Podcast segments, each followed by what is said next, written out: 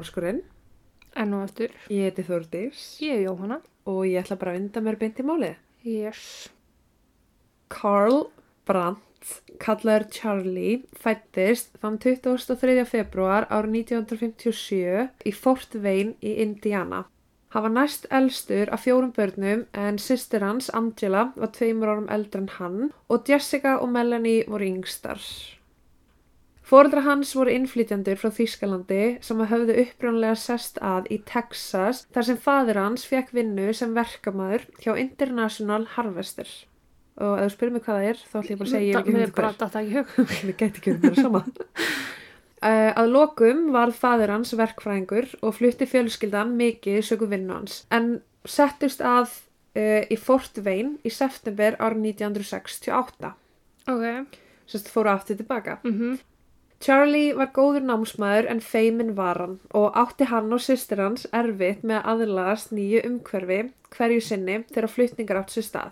En þau hefur sérst flutt mikið til margra bæjarfélaga og það var alltaf sama sagan. Þú veist þegar þú ert að koma inn í nýjan skóla, fyllt af nýjum krakkum Já. og þú nærði einhvern veginn ekki að festa þig Nei, að því svo ertu fluttur áttur. Já.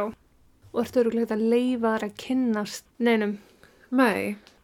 Fjölskyldan flutti síðar til Flórida í um eitt ár en þar eignæst Charlie nýja vini, hún gekk vel í skólanum og var eiginlega bara frekar venjulegur krakki. Uh, fjölskyldan flytur síðan aftur til Indiana en Charlie og Angela ákveða að vera eftir hjá ömmu svona Ava sem að nú hefði flutt frá Þýskalandi til að búa með barnabörnum sínum. Charlie var byrjar að deyta stelpur og eignæðist meðal annars besta vin, hann Jim Graves, en Jim endaði síðar á því að byrja með Angelu, sýstir hans, og að lokum giftuðu sig. Hann fekk Jim til þess að vera wingman eða vangjamaður fyrir sig, en það langaði hann meitna að finna ástina eins og sýstir hans.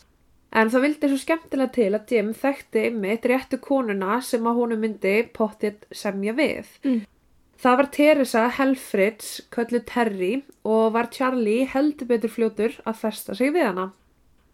Árið 2004 lifði Charlie og eiginkona hans mjög friðsælu lífi í Big Pine Key í Flórida en þar hafði hann eitt mestum hluta æfisinnar eða frá um 15 ára aldri og fram á fullarins ár með stuttu hlið þar sem hann vann uh, á Bahamas í eitt ár. Næs. Já.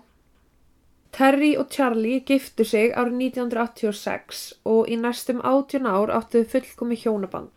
Og þá bókstæla fullkomið en þau voru bara, þau gerðu allt saman, uh, þau útbyggu hátegismat á hverjum degi fyrir hvort annað af því þau sögðu að maturum bræðaðist betur þegar hinn eldaði fyrir, eða fyrir hinn. Hljómar ekki svo fullkomi hjónabandi minni bók. Fyrir þeim var þetta fullkomi hjónaband. Föstu hvort annað 24 og 7. Þú veist, já og nei.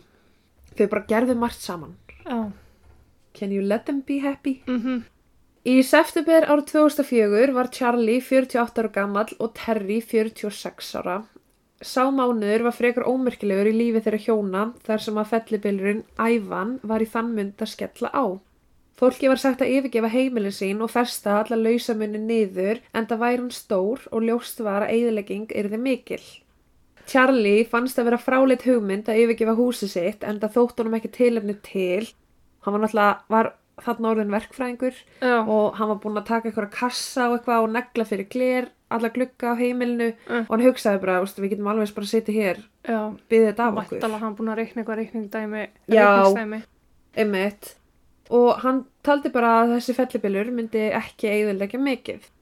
Well, Mr. Charlie, það voru að minnstakosti 90 mann sem að letu lífið. Just saying. Vá. Á hinbógin krafðist Terry og fjölskylda hennar þess að þau myndu koma sér burtu svo plani var að ferðast norður til Maitland þar sem að sýstu dóttirinnar Michelle Lou Jones bjó.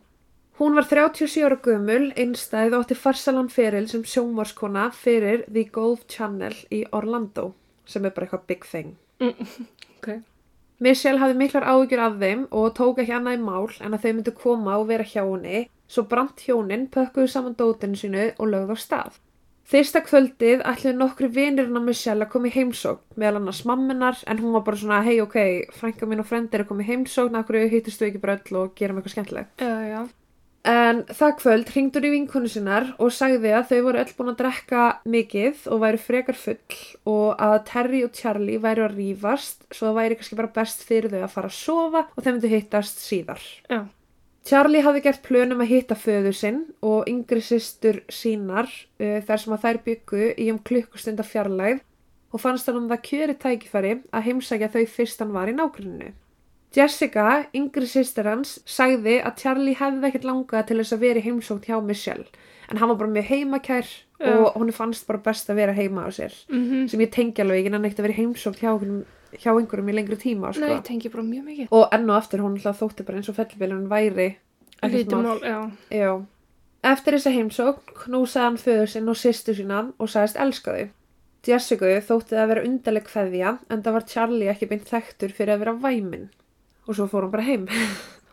Charlie og Terry höfðu planað að fara aftur heim til sín þann 12. september en þá var fellibillurinn búinn og þeim og örugt já. fyrir þau að fara heim og það hljómar eins og Charlie hafi eiginlega bara verið að eiga vestu þetta æfisinnar og naut sinni ekki neitt hjá Mhm. Michelle en 12. september kemur dagurinn sem að Charlie hafi byggðið eftir og það var eins og eitthvað að breyst hjá honum hjónin voru búin að pakka í töskur voru nánast komin út í dyragætt þegar Charlie stingur upp á því að vera eina nótt í viðbútt sem að þótti bara ekkit mál en það fannst Terry náttúrulega bara skemmtilegt að geta átt heilan dag í viðbútt með frænkusinni Mm Dægin eftir reynir Marie-Lou, móðir Michelle, að hafa sambandi við hana en þær voru vanar að tala saman daglega en það höfðu þær ekki tök á að hittast þar sem þær byggu fjarrri hvor annari.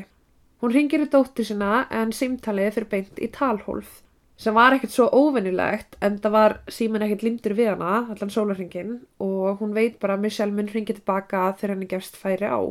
Dagurinn líður og ekkert heyrist frá henni. Á þriðja degi er mamminar orðin viss um að eitthvað sé í gangi en það komnir þrý dagar frá síðustu samskiptum.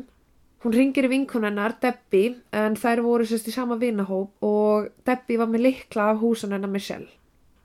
Marie byður hana um að fara heim til Michelle til að aðtuga með hana og segir henni frá því að Terry, sýsti sín, hafi einnig verið á staðnum og hún næri ekki sambandi við hana heldur. Debbie grýpur liklana og fyrir að heimili Michelle en á leiðinu þangað ringir hún í sammeðlega vinkonu þeirra, Lísu, en það var Lísa sem átt að koma til þeirra fyrsta kvöldi og sérst ætlaði að fara að djama með þeim. Já, já, ok. Hún sér bílana fyrir utan húsið og veit að þau eru greinilega heima svo hún gengur, gengur að útidyra og byrjar að banka en það kemur enginn til dyra. Hún býður aðeins en heyrir engin hljóð koma frá húsinu þannig að hún fer að banka meira og bara ákafara. Meira ákaft. Bönkin hennar verða Já, já, já. já. Allavega, ég gef bara mín. En í kjölfara því þá setur hún líkilinn í skráugati og ætlar að opna en hann situr fastur á einhverjum ástæðum. Þannig að hún næri ekki að opna húsið. Lásin, já, já, já. Já. Hún byrjar að ganga meðferðis húsinu og fer að stofuglökanum, sér ekki neitt en byrjar að berja í glöggan og öskra á Michelle.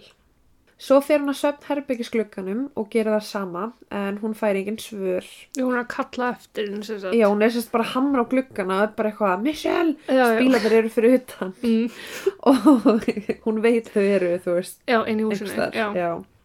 Hún kemur auga á glerhurðina sem að er að bílskúrnum hennar og kíkir þar inn. Það var þá sem hún sá Charlie, en hann hjekk af þakki bílskúrsins með rúmfötum og Debbie hringdi strax á laurugluna. Með rúmfötum. Já, Hún að hengja sig. Já, búin að hengja sig með rúmfötum. Eða búin að hengja sig, eða einhver annar hengdan, veit Ok. ekki. Þegar að lauruglan koma þá notaður líkilnana Debbie til að komast inn í húsið og að einhverjum ástæðum þá virkaði það. Ég held bara hún hafi verið það tens Já. að það bara klikkaði ekki Mhm. strax. Lauruglan fór inn í hús og fann Terry í sófanum með sjö stungusár uh, á bringunni og va hún var einugis í stuttermaból. Þeir fóru inn í svefnherbyggið hennar Michelle og byggust við að finna álíka hörmulegan vettfang en það sem þeir sáu var svo mikið verra. Þegar þeir opnuðu hurðina á svefnherbygginu þurftu þeir að fara út til að kasta upp. Oh my god. Skýtur ímyndar að vinna í þessari stjætt. Nei, og þetta var vanur öllu einhvern veginn. Já, en þú veist, maður getur ekki undirbúið sig fyrir neitt. Nei. Maður getur ekki undirbúið sig fyrir það versta. Og ég fæ bara svona, ó, þú veist, að þeir skuli hafa farið út og kasta upp. Það segir það er ótrúlega margir sem gera það. Já. Líka lyktin af blóði. Já, og bara vett, og ég bara, allavega Michelle lá í rúminu sínu og dánar orsök leiti ljós að hún hafi verið stungin einu sinni sem að í raun leiti til döðunar.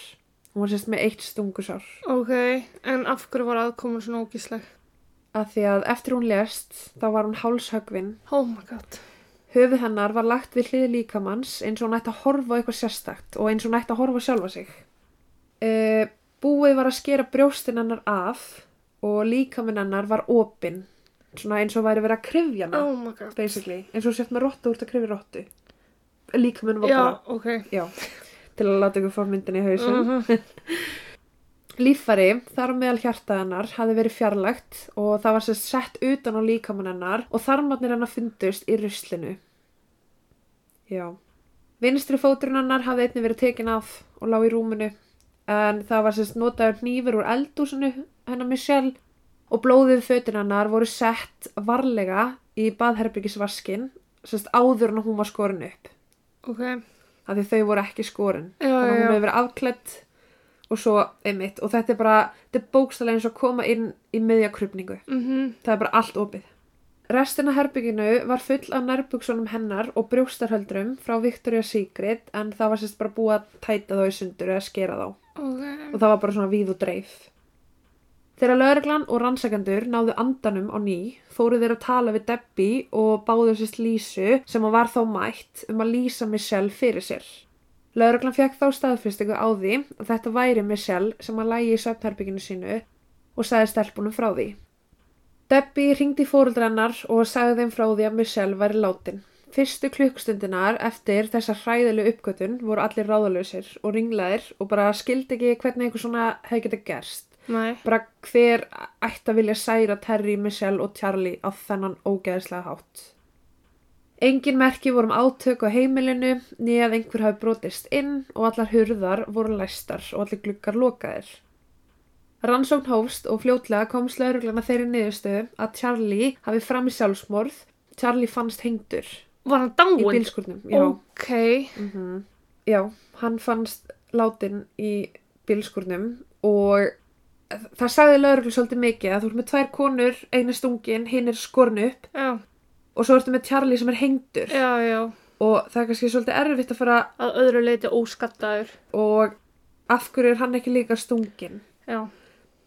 þannig að lauruglun var það bara ljóst að Charlie hafi gert þetta Mhm.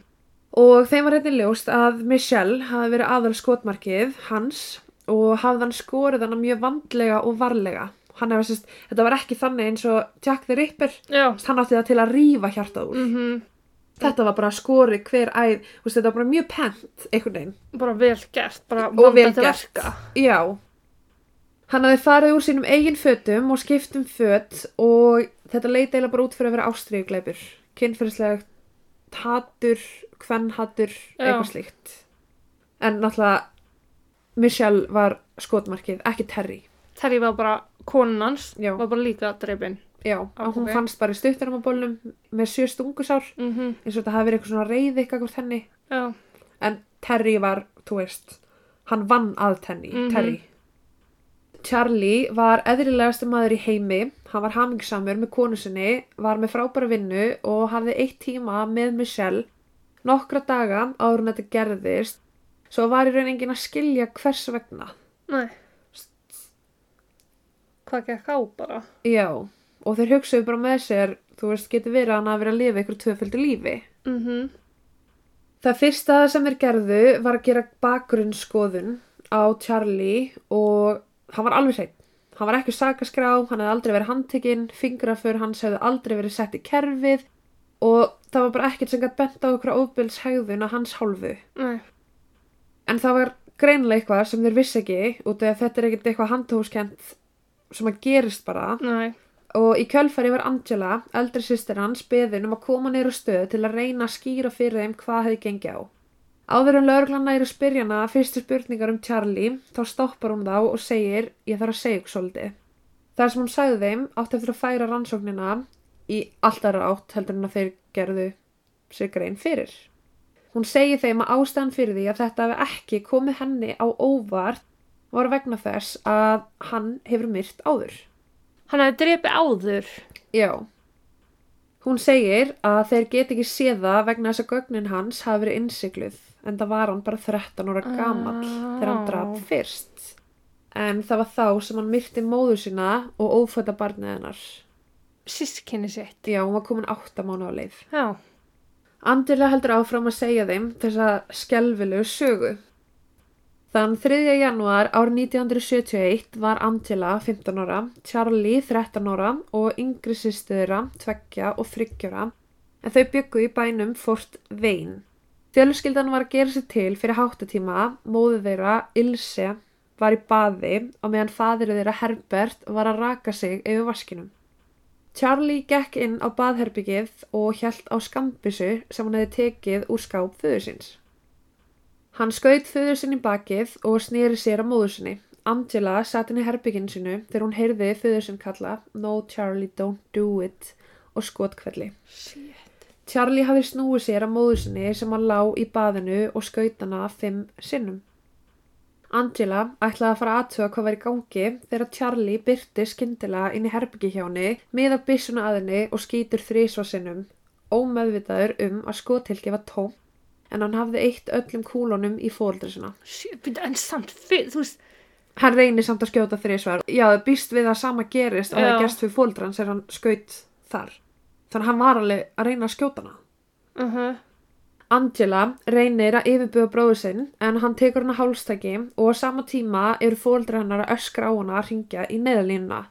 Líkamlega átök hefjast millir þeirra sískina og Angela næri að sparka byssun í burtu en í kjölfari varð hún marinn og blóðug eftir að hafa fengið á sig nokkur högg frá bróður sinum. Hún sagði við hann, Charlie, hvað ert að gera, ég elska þig, hvað ert að gera? Og hún sagði líka að þetta verður allt í góðu við komist í gegnum þetta. Hún tekur þá eftir því bara í glampunum í augum hans og áttar sig á því hvernig hún getur afstýrt þessu. En það var eins og hún hafi breyst úr 13 ára strák yfir í ansettin brálæðing aftur yfir í 13 ára strák. Já, já, já, Og það var bara, hún sá bara að eftir hún sagði við hann, ég elska þetta verður allt í góðu, já. þá var hann allt í henni þessi 13 ára strákur. Mhm. Hann slefti taki og spurði hana hvað hann hafi gert og hún segir, ég held þú hefur skotið fóldra okkar en ég þarf að fara að aðtúa farða mér. Og staði hann alltaf bara hjælt henni. Já, Charlie brjálast aftur yfir þessu og Angela er í raun bara döðhrætt við hann. Charlie spurði sífellu hvað þau ætti að gera og Angela held áfram að segja að hún bara vissi það ekki en hún vissi samt einstein hún er það að vera róleg. Mm -hmm. Hún gati ekki látið hann sjá að hún væri hrætt. nei. Charlie beður hann um að lofa sér að hún muni aldrei fara frá honum sem hún gerir. Hann sleppur taki af henni og hún segir að þau þurfa að taka sýstu sínar í burtu og segir honum að fara upp og sækja teppi en þessu mjög kalt úti. Og Ok. hún er þarna eiginlega bara svona að blekja hann. Mhm. Hann gengur aftur á bak upp stigan og á meðan er hann sérst að byggja hana um að lofa að yfirgefa sig ekki. Og hún er bara eitthvað, nei ég er ekki fyrir að gera, ég er ekki fyrir að gera, farðu upp og náðu í teppi. Já. Og hann er bara að lappa upp og horfa á hana Mhm.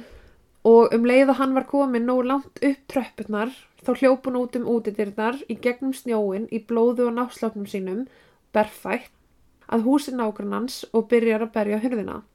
Þau svar ekki nóg hratt og hún sér að Charlie kemur á eftir henni svo hún hleypur yfir götuna í annað hús. Charlie fer og bankar hjá sama nágranna og hún fór fyrst til en til dyra kemur 16 ára strákur sem að bjóðar og Charlie segir I just shot my parents. Shit. Laurugla og sjúkraflutningamenn voru kallaðar vettvang og björgunar aðgerðir voru gerðar eh, sem bar árangur með föðu þeirra en móðir hans og ófæta barnið eh, hennar voru látin þegar þeim bar í garð, Þau þau bara á garði. þegar þau kom á staðin. Það átti eftir að reynast erfitt að svara þeirri spurningu hvers vegna 13 ára strákur tekur upp á því að reyna að myrða fjölskylduna sína og er þetta alls ekki auðvildar kringumstæður þú veist, held hann að þetta veri platbissa vissan hverja aflengarnar voru var þetta ásetningur losa sig við fjölskylduna Mhm. þú veist, er eitthvað undirlegjandi er þetta drápskvöld, myrkar hugsanir Mhm. þú veist, bara hvað er að gerast þegar 13 ára strákur tekur upp byssu og hann byrjar að skjóta föður sinni bakið hann sér afleggingarnar af skotinu Já. hann sér hvað gerist en hann heldur áfram Og sko af mömmu sinni sem er ófrísk. já, og líka fimm sinnum Já. og svo var sýstu sinni þrísvar Mhm. og þú veist, ég myndi halda að þegar hann er búin að skjóta pappa sinn að þá áttar hann sig alveg á því ok, þetta meittan Já, en hann heldur samt áfram af því að undir venlum kringustæðum þá hefði barn á þessum aldri líklegast hugsað bara shit, ég meiti pappa Mm en hann gerði ekki Allir sem að þekktu fjölskylduna sögðu að Charlie hafi verið algjör mömmustrákur og voru þau mjög náinn en það var hún heima með börnum sínum mestmægnis af æfiðra. Ljóst var að til staðar var hvata stjórnunar vandamál eða skortur á skilningi hjá Charlie. Hann satt inni í ungl unglingafangelsi í fjóra mánuði á meðan dómarar komu saman og reyndi að ákveða hvað gera ætti við Charlie. En hann náttúrulega er 13 ára og er Já, ekki komið sakhæfisaldur. Niðurstaðan þeirra var svo að hann þurfti á hjálpa að halda. Í kjölfarið var hann fluttur á réttargeðdeild á geðsjögrahúsinu í Indianapolis. Indianapolis. Oh. Indianapolis. Á meðan hann satt inn í unlingafangilsinu. Þá var honum hleyft út til þess að fara í jarðaförn móðu sinnar og það voru mjög skipta skoðanir á því hjá fólki. Já, Um, en Þetta er auðvitað, þetta er barn. já, sko, og líka því að þú nefndir 13 ára barn sem breytist í einhvern andsetin Aha. einstakling, þá þarf maður einhvern veginn að aðgreina þá tvo. Já, og hann líka eins og hann sagði við sýsti svona, hvað gerði ég? Já, eins og hann hafi ekki alveg beint fatta hvað hann gerði akkurat. en hann semst var fekk að vera við jarðafið móðusinnar og fólk bara eiginlega horfði svona hotnauga á fjölskylduna bara af hverju, Hvað að hann gera? Já, en þetta er bara, það er ekki búið að greina hann þú veist, það er ekki komið neinn niðurstað í máli það veit enginn hvað gekk á þannig að já, fjölskyldan treysti honum nógu mikið um, til þess að vera þarna og sérst, eftir að var sendur á geðsjúkurhúsið þá var fadir hans að berjast fyrir því nánast daglega að fá hann lausan og sagði bara að þetta hafi verið óhapp og slis og bara, hann vildi bara fá strákisinn aftur já, já. Eðlilega held ég. Á meðan, þú veist, ég ekki bara, ég get ekki sett mér það Nei, aðstæður sko. ég á sko. mjög erfitt með það að því ég bara, ég get ekki ímynda mér það er svo mikill missir á allra vegu en hvað á maður að gera við 13 ára strák sem að gera svona þú veist, hann er ekki komið sakhæfisaldur hann er ekkert á dæminu fangelsi næ, hann var sendur á geðsjúkrahús en á sama tíma geta haft mikil áhrif á hann að taka af honum bernsku árin. Mhm, þú veist, að vera honum inni í okkur sjúkurhúsi þegar hann er 13 ára og fram á táningshaldur já. hann missir af svo miklu og hann kannski læri ekki hvernig á að lifa í samfélaginu við það. færnin er náttúrulega bara... Já, verður bara andfélagsfærni. Já, einmitt það sem þú sagðir. Fjölskyldan treyst honum uh, nóg mikið og þar sem honum var hleyft út á endanum eftir að geðlegnar og aðrir sérmyndaðir aðilar sögðu að hann væri tilbúin til að fara aftur út í samfélagið og lifa sínu lífi. Það er hann sækir hann og það er þá sem að fjölskyldan flytur til Flórida eins og ég myndist á áðan. mhm, Uh, en fadur hans tók sér eins ás frí frá vinnu til þess að einblina á börni sín en það orðin einstæður fjórubanna fadir og það er í kjölfarað þessu sem að fóreldrar hans flytja til Flórida til að hjálpa til. mm, ok. Hann endar á því að giftast aftur og því flytur hann til Indiana með tveimur yngstu systrunum, Jessica og Melanie, að meðan Angela og Charlie búa áfram hjá ömmu svona afa í Flórida. Og það er alveg spurning hvort að þau hafa verið eftir vegna þess að nýja konan var hrætt við Charlie Já, eða hvort þau vildu bara ekki hrópla vinninu en það var Charlie núna að fá actually gott líf veist, Já. hann byrja eignast vini og byrjar að ganga vel í skólanum og Angela hafði tekið sér frí frá skólanum eftir að móðurinn að lest og hún Mm. var núna komin á svona róla aftur að fara að klára stúdarsprófið sitt ok. Næstum 33 ár uh, voru liðin frá því þetta atvik gerðist og það var enn óskýrt fyrir Angelu en hún áttaði sig aldrei almennilega á því hvað þið gengi á og hjælt bara á þessum tíma að Charlie hefði haldið á okkur platbissu eða einhverju líkingu við það. Mhm, Hjælt þetta væri allt bara einhver leikur. Angela sagði að það var eins og einhverju djöflar væru innra með honum eða einhver svona myrkur. En hann skýti föður sinn einu sinni, móðu sinna fimm sinnum, reynir að skjóta sýsti svona þrísvar og endar svo að gera þetta við Michelle og Terry. já. Þú veist, klippa brjóstina af henni, taka hjartað úr og henda þörmónum í ruslið. Skera höfuðið af. Emmitt. Það er eins og hann hafi haft eitthvað hatur gegn konum. Já, að því að faðir hans fekk bara eina kúlu og það er eins og hann hafi kannski á þeim tíma bara verið að yfirbyða faðir sinn. Já, bara þú getur ekki stoppa eða prófa skilur og já ok, nice. Já. en akkur fekk faðir hans ekki fimm skot á móður hans eitt? Mm veist, vildi hann ekki annað sískinni, hvað var að gerast? Já, það sem að þeim þótti ótrúlegt er að hann var andfélagslegur sem barn. Já, algjör mömmustrákur og svo 33 árum síðar fremur hann önnur svona hróttaleg morð en hvað gerðist í millitíðinni var hann hamingi sami eigimaðurinn sem að bara lifið sínu lífi og eldaði pasta á kvöldin og hátíðismandi fyrir frúnni og svona. já, þú veist hvað, þetta eru 33 ár. Já, þú veist að gerðist eitthvað í millitíðinni. Mhm, Charlie hafði farið í gegnum þrjár aðskildar sálfræðilegar úttektir hjá geðlæknum þar sem að leitað var að geðsjúkdómum sem að gæti útskýrt hegðun hans eða minnst okkur stið útskýrt hvað stuðlaði að þessari hegðun mhm, en hver þeirra greindi frá því að Charlie virtist ekki vera með neitt sjúkdóm og ekki haldið neinum geðsjúkdómum.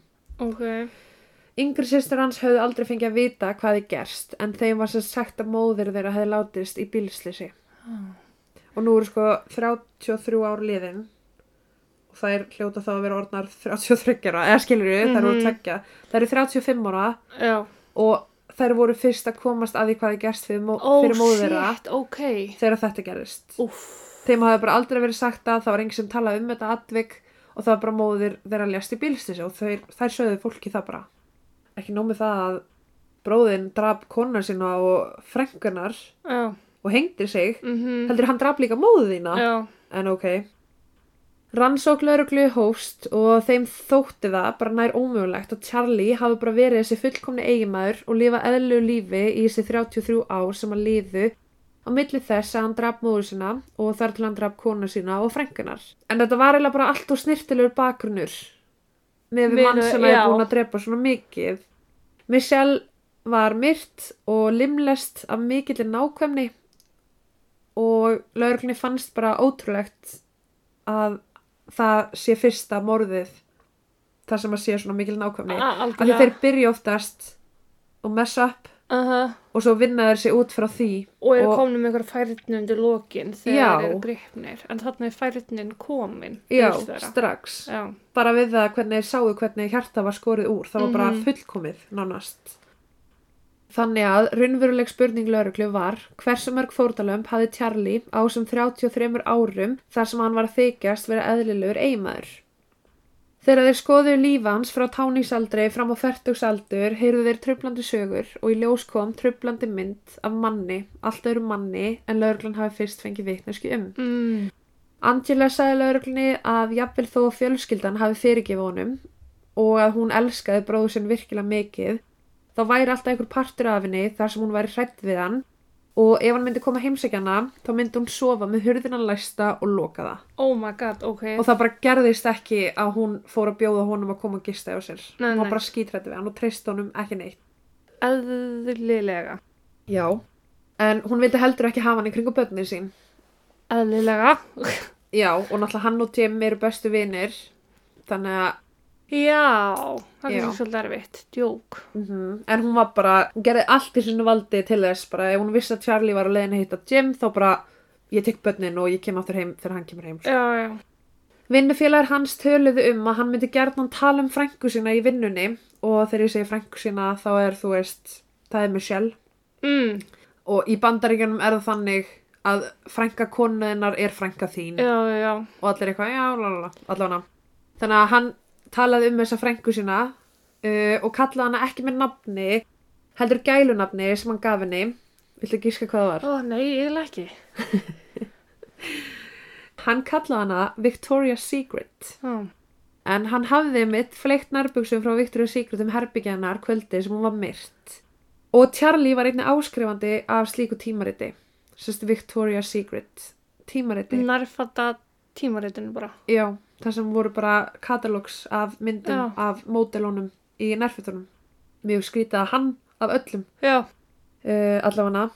það er margt annað efni. Veið, þú veist, akkurat ekki. Hægt að Vísindablaðið eða eitthvað hvað sem það heitir. Já, já, Já, uh, kannski ekki, en já. Og líka bara að, að sérst, kalla ykkur að Victoria's Secret. Hún, hei, hún heitir. Michelle, Já. sko. Það eitt og sér er bara mjög Secret. óveðandi og mjög, mjög skríti gælunafn líka fyrir frænka þína sko. Já, voru alltaf bara eitthvað, já, Frankans Victoria's Secret. ég veist að vinnufélag hann fannst þetta alveg skrítið en þú veist, hann var bara þessi eðlilegi eiginmaður þannig að það var ekki eitthvað, hann var ekkert creep Nei, ok. Samstarfsfélagar hans sögðu að hann talaði stundum um Michelle eins og hann væri með þráugjafinni og talaði, um, talaði mikið um mennina sem hún var að deyta og enginn þeirra verið nógu góður fyrir hana og bara eitthvað skrítin samtölu að eiga við samstarfsfélagina. Já, en hann nefndi ekki vera hjá henni. Nei, hann nefndi ekki verið hjá henni en getur verið að það hefur verið að því að konan hans var þar líka. Já. Veit ekki, hún var allan að dreipin fyrst. Mm, Á heimilinu hans fundust ekki einungis þessi Victoria Secret tímaris blöð, heldur voru einnig nokkra líffæra, líffæra fræði bækur. þarna kom það. Þrátt fyrir að Charlie, nýja Terry, hafi nokkuð tíman unnið í læknastjættinni. En þetta voru sko plaggut, þetta voru myndir, þetta voru bækur sem eru bara um mannslíka mann. Allir vöðvar, öll bein, Já, öll líffæri, bara anatómíu bækur. Já.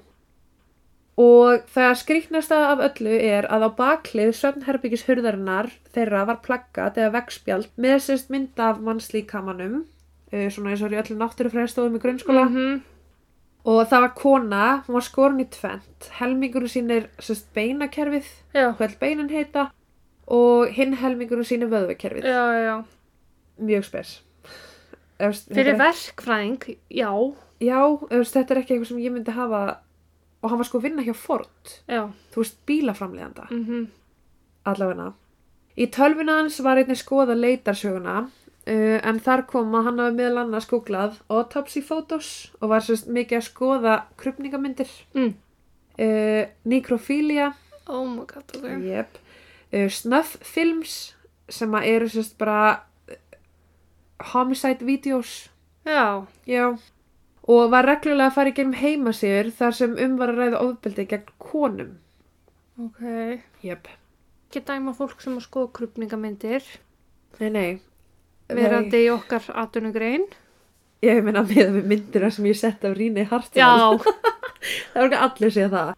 En á sama tíma, þú veist, þetta er bara eitthvað hann að skoða og líka bara nekrofilia. Þú veist, það er náriðill. mhm, Þú veist, það var örgulega að leita kannibalism líka, skilju. Þetta var bara leitarsana sem var bara ógeðsleg. En þú veist, af hverju ættir, hvað mögulega ættir að vilja vita um náriðla? Hvað þarftu að vita? Færðu kynnsjúkdóm? Færðu vörtur? Hvað ættir að googla?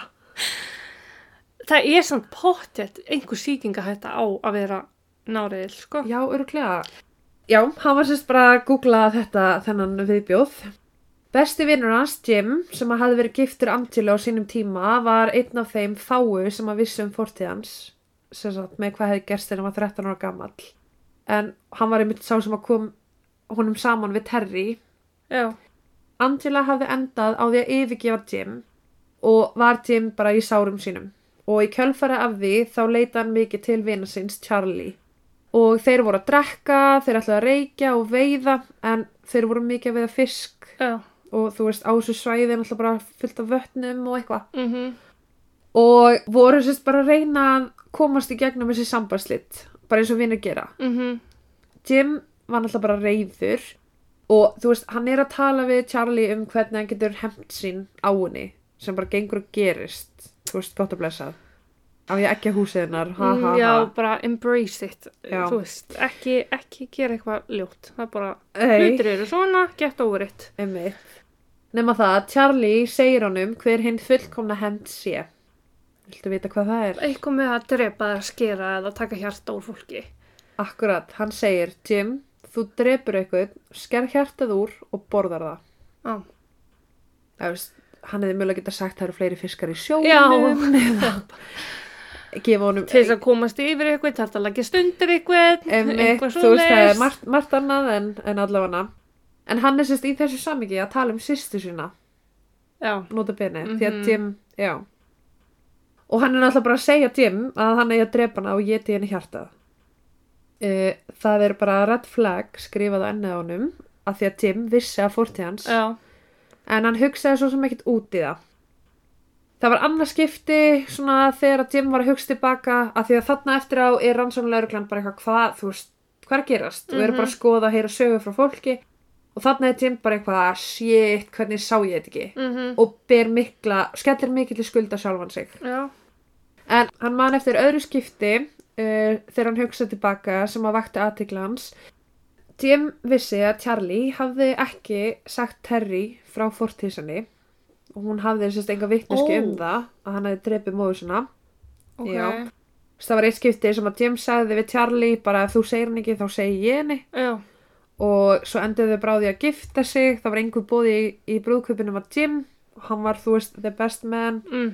The only man. og the only man Uh. og, og hann gerði bara svona ráð fyrir því að hann myndi henni það Já. en Terry var á einhverju tímpúti mjög nálægt því að komast að því hver eiginmaður hennar var í raun og veru og samkvæmt Jim þá dró Terry hann til hliðar einn daginn og sagðist vera að hugsa um að ringi lögregluna en það var eitt skipti sem hún kom snemma heim úr vinnunni og Charlie var í litla kofanu sínum. Sest, hann var með svona lítið herbyggi eða hús fyrir utan uh, þar sem hann verkaði fiskinn sem hann veitti Ok. og hann var náttúrulega bara, þú veist, í frítíma sem var hann bara að veiða fisk og borða. Mhm. og hún kemur stemma heim á vinnunni og Charlie er í þessum litla kofa sinum. Og þegar hún kom að honum þá var hann alblóður og það var blóð um allan vaskinn og Jim segir við hana já en þú veist hann verka fiskinn hann þannig að það er eðlilegt Mm. en Terry segir ég veit það en það var, ekki, var engan fisk að sjá Ó. þannig að hvaðan kom þetta blóð Fuck. já Jim held áfram að reyna að afsaka bestu vinn sinn og Terry bara hlustaði ekki á hann og sagði bara hei ok það var stelpa myrt ekki og langt í burtu frá því þar sem að þau byggu og limlest lík hennar fannst sérst í árabót þar sem að hérna Charlie var vanur að fara að veiða Já. Og hún hafði áhyggjur af því að hann hafi drepið hana Ok. Úf, erfiðar áhyggjur að hafa samt. Já líka bara, þú lappar inn á manniðin alblóðuðan og það er allt út í blóði en þú serði ekkert hvaðan blóðu getur Já. mögulega hafa komið og svo fréttur að því að stelpa var myrt sama kvöld Það er líka ekki svo mikið blóð af fisk. Nei, emitt líka bara eitt fiskur í vaskinum skilur en þú veist, þetta var bara alblóðugt Já, það er, þú veist, verið að gera að fiski og rjúpum öllum fjandanum heima hjá mér svona eins og mánuði. Það er ekki svo mikið blóð. Nei, ekki með við hvernig hún hann lýsir því að þetta var bara alblóðugt Já. hann, alblóður, fötin hans, vaskurinn Mm allt saman Jim vissi í raun ekki hvað hann ætti að segja að gera og reynir bara að tala þetta af sér eða frá sér og segir henni að ef hún ringir í lögna þá verður hún átt að sjá því að hjónabandið er búið og hún þarf í raun að hugsa sér tvisar um áður en hún vill fara ásakan um eitthvað svona Já. Já, sem er alveg gott að blessa skilur Já, maður bakka kannski ekki svo auðvitað með svona ásakanir. Nei. Uh, eins og ég sagði áðan, Terry hún hafði ekki vitneski um að Charlie hafi trefið móður svona en það var eitt skipti sem hún svona gaf það í skin að hún hafi vitað þetta. En Jim hafi spurt hana hvort þau hafi spáð í barnegnir og hún sagði ég held að sé ekki góð hugmynd. Og hann tók því bara þannig eins og Já, ok. þú veist, af því að þetta er svona ok, ef einhver spyr hefur eitthvað spáð í barnegnir fyrstulega mjög dónuleg spurning. Já, en í öðru lagi að þá myndi maður líklega að vera bara eitthvað, æ, við erum bara svolítið upptekinn, við erum að gera þetta eða, jú, jú, alveg öruglega já. en að segja bara uh, ég held að sé ekki góð hugmynd. Af hverju er það ekki góð hugmynd? Mm af því að maður þinn er morðingi, skilur, veist, hvað liggur þar baki? Já, og Jim var bara eitthvað, ok, hún hlýtur að vita fyrst að þetta er svarið. Já, en þau voru, þú veist, 48 ára og 46 ára þau voru búin að vera saman í mörg ár já. og þau voru barnlaus Mm En fjölskyldanna segir frá því að hún hafi aldrei vita neitt af þessu því að það var engin leið fyrir hann að halda þessu lindu frá fjölskyldinni og hún hefði ekki verið með honum ef hún hefði vitað þetta. Nei, veist, heldur ekki. Nei, hélt- já, fjölskyldan hélt segir já, það. Bara ef hún hefði vitað þessu þá var hún farin. En getur líka verið að hún hafi kannski verið að komast að þessu. já. En til sönnunar á því, sérst það sem er ofta spennt á varandi þetta, er sérst dagbókin hennar sem var ekki beint hefðbundin dagbók þú veist, hún var ekki að skrifa neyra allan daginn sinn heldur var þetta meira svona eins og Bara þerapí að skrifa.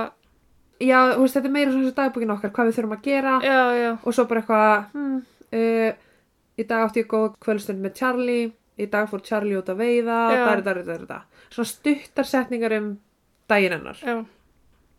Það var á einum degi sem hún skrifaði að, að hún væri með áhyggjur á Charlie en hann hafði verið úti langt fram á nóttu og kom heim klukkan þrjú. það var, um sérst, nóttina, það var sérst ekki sama kvöld og þegar hún kom að honum Nú. alblóðum ok. okay. þegar hún kom að honum alblóðum var það eftir vinnu í henni þetta er annað kvöld þar Um sem, að, nótt, já, já, já. já, þar sem hann var að koma heim klukkan þrjú og hún bara hvar varst þú? Já, En það er eins og hún hafi átt að sig á þessum myrku hugsunum hans og að grunnsemdir hennar um eigimann sinn væru réttar allan tíman. mhm, Í kjölfar morsins á Michelle hóf lauruglan umfangsmikla rannsókn á Charlie þar sem að morðið á henni benti til þess að hann hafi haft reynslu af þessu og mjög líklega gert þetta áður. Hann ferðaðist mikið vegna vinnu sinnar en hann var einhver svona, einhvers konar radar specialist eða bara svona verkfræðingur já, og var að vinna hjá Ford þannig að hann Mhm. kerði mikið um. Og því var útbúin deil til að fara í gegnum köldmál sem að höfðu svipuð MO eða modus operandi en það er bara eitthvað svona einkennandi við morðin, eitthvað sem tengdist. Og í hans máli þá var skoðað fórtalem sem voru limlest, hálshöggin eða líffæri þeirra fjarlæg, þá Já. sérstaklega hjartað.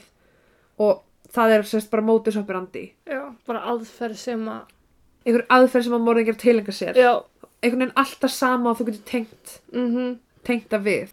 Eins og Jack the Ripper var með hans M.O. Var, en þeir hafa mjög líklega stækka leitina aðeins meira þú veist, það sem að morðingjarnir byggja sér verið luft frá byrjun. Mhm, þannig að getur vel verið að þó hún hafi verið komin þarna með sjell og skori hjarta mjög fallega út Já. og hafði ekkert verið þannig með fyrsta morðið hans. Nei, og þú þarft líka góða hnífa til að gera svona Já, hann hluti, notaði sko eldúrsnýfin hennar Michelle What? Já, þannig að hann er greinilega mjög fær í Já. sínu starfi eða hefur kannski lært mikið af myndböndum Uh -huh.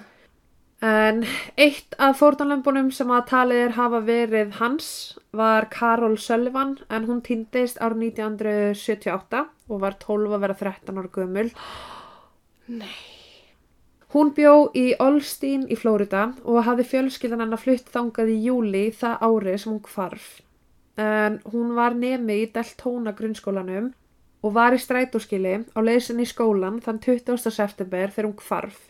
Einhver ók fram hjá henni og sá hann að standa þar en þegar strætóbílstjórin kom af að stoppistöðunni klukkan 500 yfir 7 um morgunin þá var hún hvergi sjáanleg. Þetta hafði verið fyrsti dagurinn sem hún ætlaði að ganga að skólabílnum alveg sjálf og hafði sagt móður sinni að hún væri nú orðin nógu stór til að geta ymmit, gengið sjálf í skólabílinn. Þann annan óttabur uh, tveimur kílometrum frá heimil hennar fannst riðguð málningadós frá sjómanni á einangruðu svæði en þar fannst höfuð hennar eh, sem var mjög niðurbrotið og í fyrstu var talið að einhver hefði stólið höfukúp úr kirkjugarnum en tannlæknaskíslu sýndu fram á að um Karol var að ræða. Restin af líkam hennar hefur aldrei fundist. What? Já, og hún var sérst bendlið við Charlie vegna þess að hún var hálsveikin Já. og Charlie bjó á svæðinu þar sem hún hvarf á þeim tíma sem hún hvarf. En þetta er eitthvað 70 eitthvað, hann hefur verið bara 78. rétt rúmlega tvítur. Hann er ekki fættið 60 eitthvað. Nei, hann er fættið 57. Ok, já, hann hefur verið þrítur. Já, hann hefur verið þrítur á þeim tíma. Næsta fórnalam sem talið er vera hans var Lisa Saunders uh, sem var 20 ára og bjóði Big Pine Key, þar sem að þau byggu líka. Árið 1988 hafði hún verið í partí með vinnu sinum og sáu vinnir hennar hana síðast ganga í átta heimilinu sínu klukkan hálf tíu að kvöldi til. Uh, tíu árum eftir að Karol, sem ég talaði um áðan, Mhm. fannst myrt, fannst líka með Lísu nakin eða líflaus á vegkanti en í hana vantaði hjartað, heilan, augun, hálsin, vöðva, vinstri ekkjaleira, ekkjastokka, þvagblöðurna, skjaldkirtilinn og hluta lungu hennar.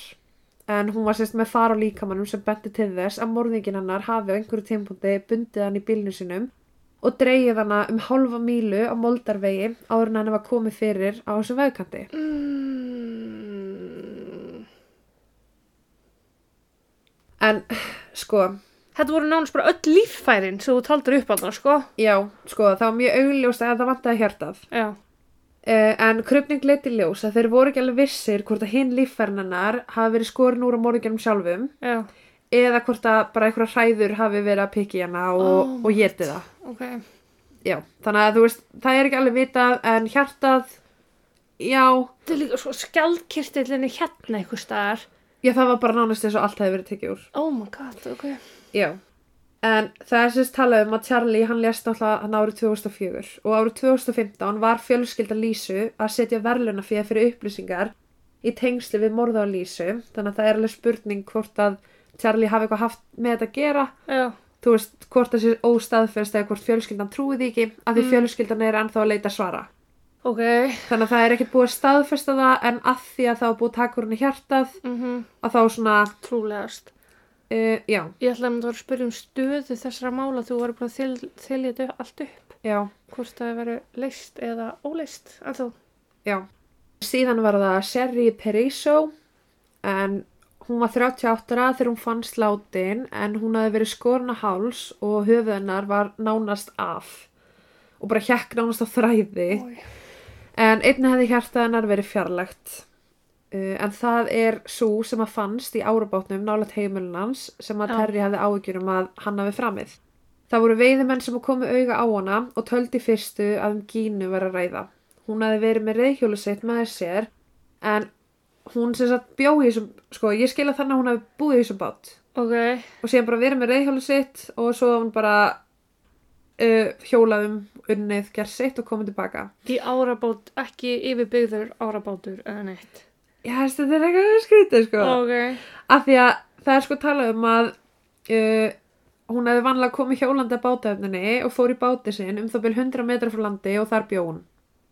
Anyway, Það er somehow. rétt að vona að þetta hafi ekki verið árabátur. En, En já, ég er örgulega miskilið það en, um, en þetta var mótus operandi sem að lauruglan hafi aldrei séð í þessu nákvæmni áður já. nema bara núna þegar þeir eru að tala um Charlie Mm Það voru vittni sem að sáu mann nálægt þessu svæði og er myndina skissan sem teikna var í kjölfarið ansi lík Charlie. Já.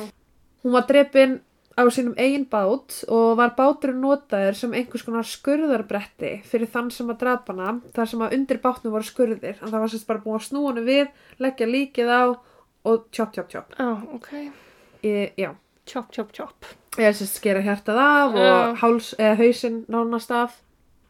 Árið 2006 var málinu lokað og skráð að Charlie væri morðingin hennar. Ok, ok. Jeppa.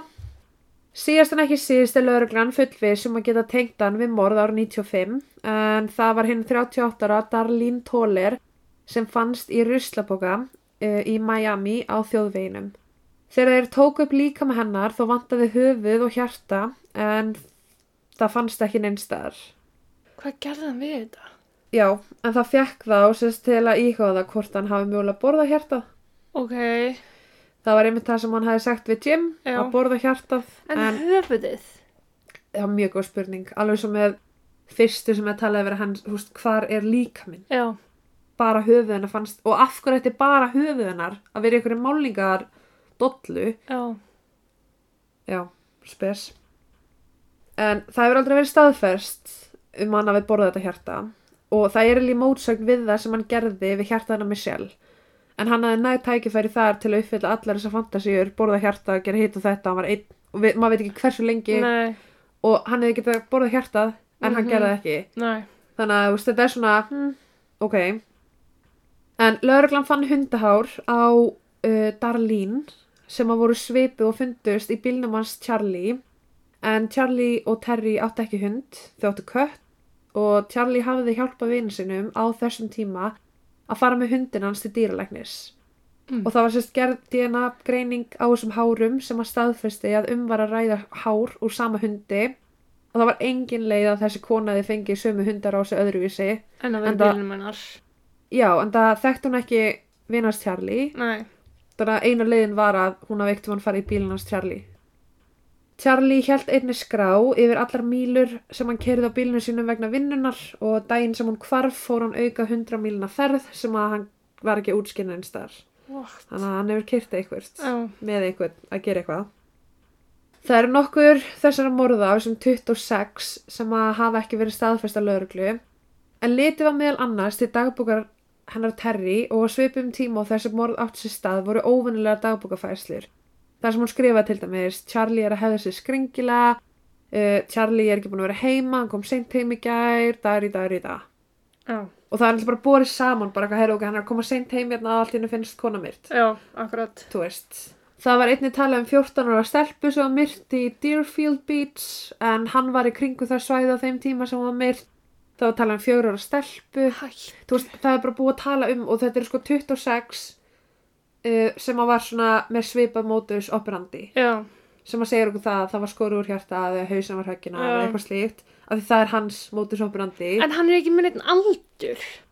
Nei, og það er náttúrulega bara búið að staðfesta að þessar tvær, hinnar tvær eru mjög líklegar og svo eru 22 aðrar Já, sem að í Flórida eða á þessu svæði sem hann var á sem að einmitt var skori hjarta úr eða hausinn og þau telja líklegt að það sé eftir hann. uh -huh.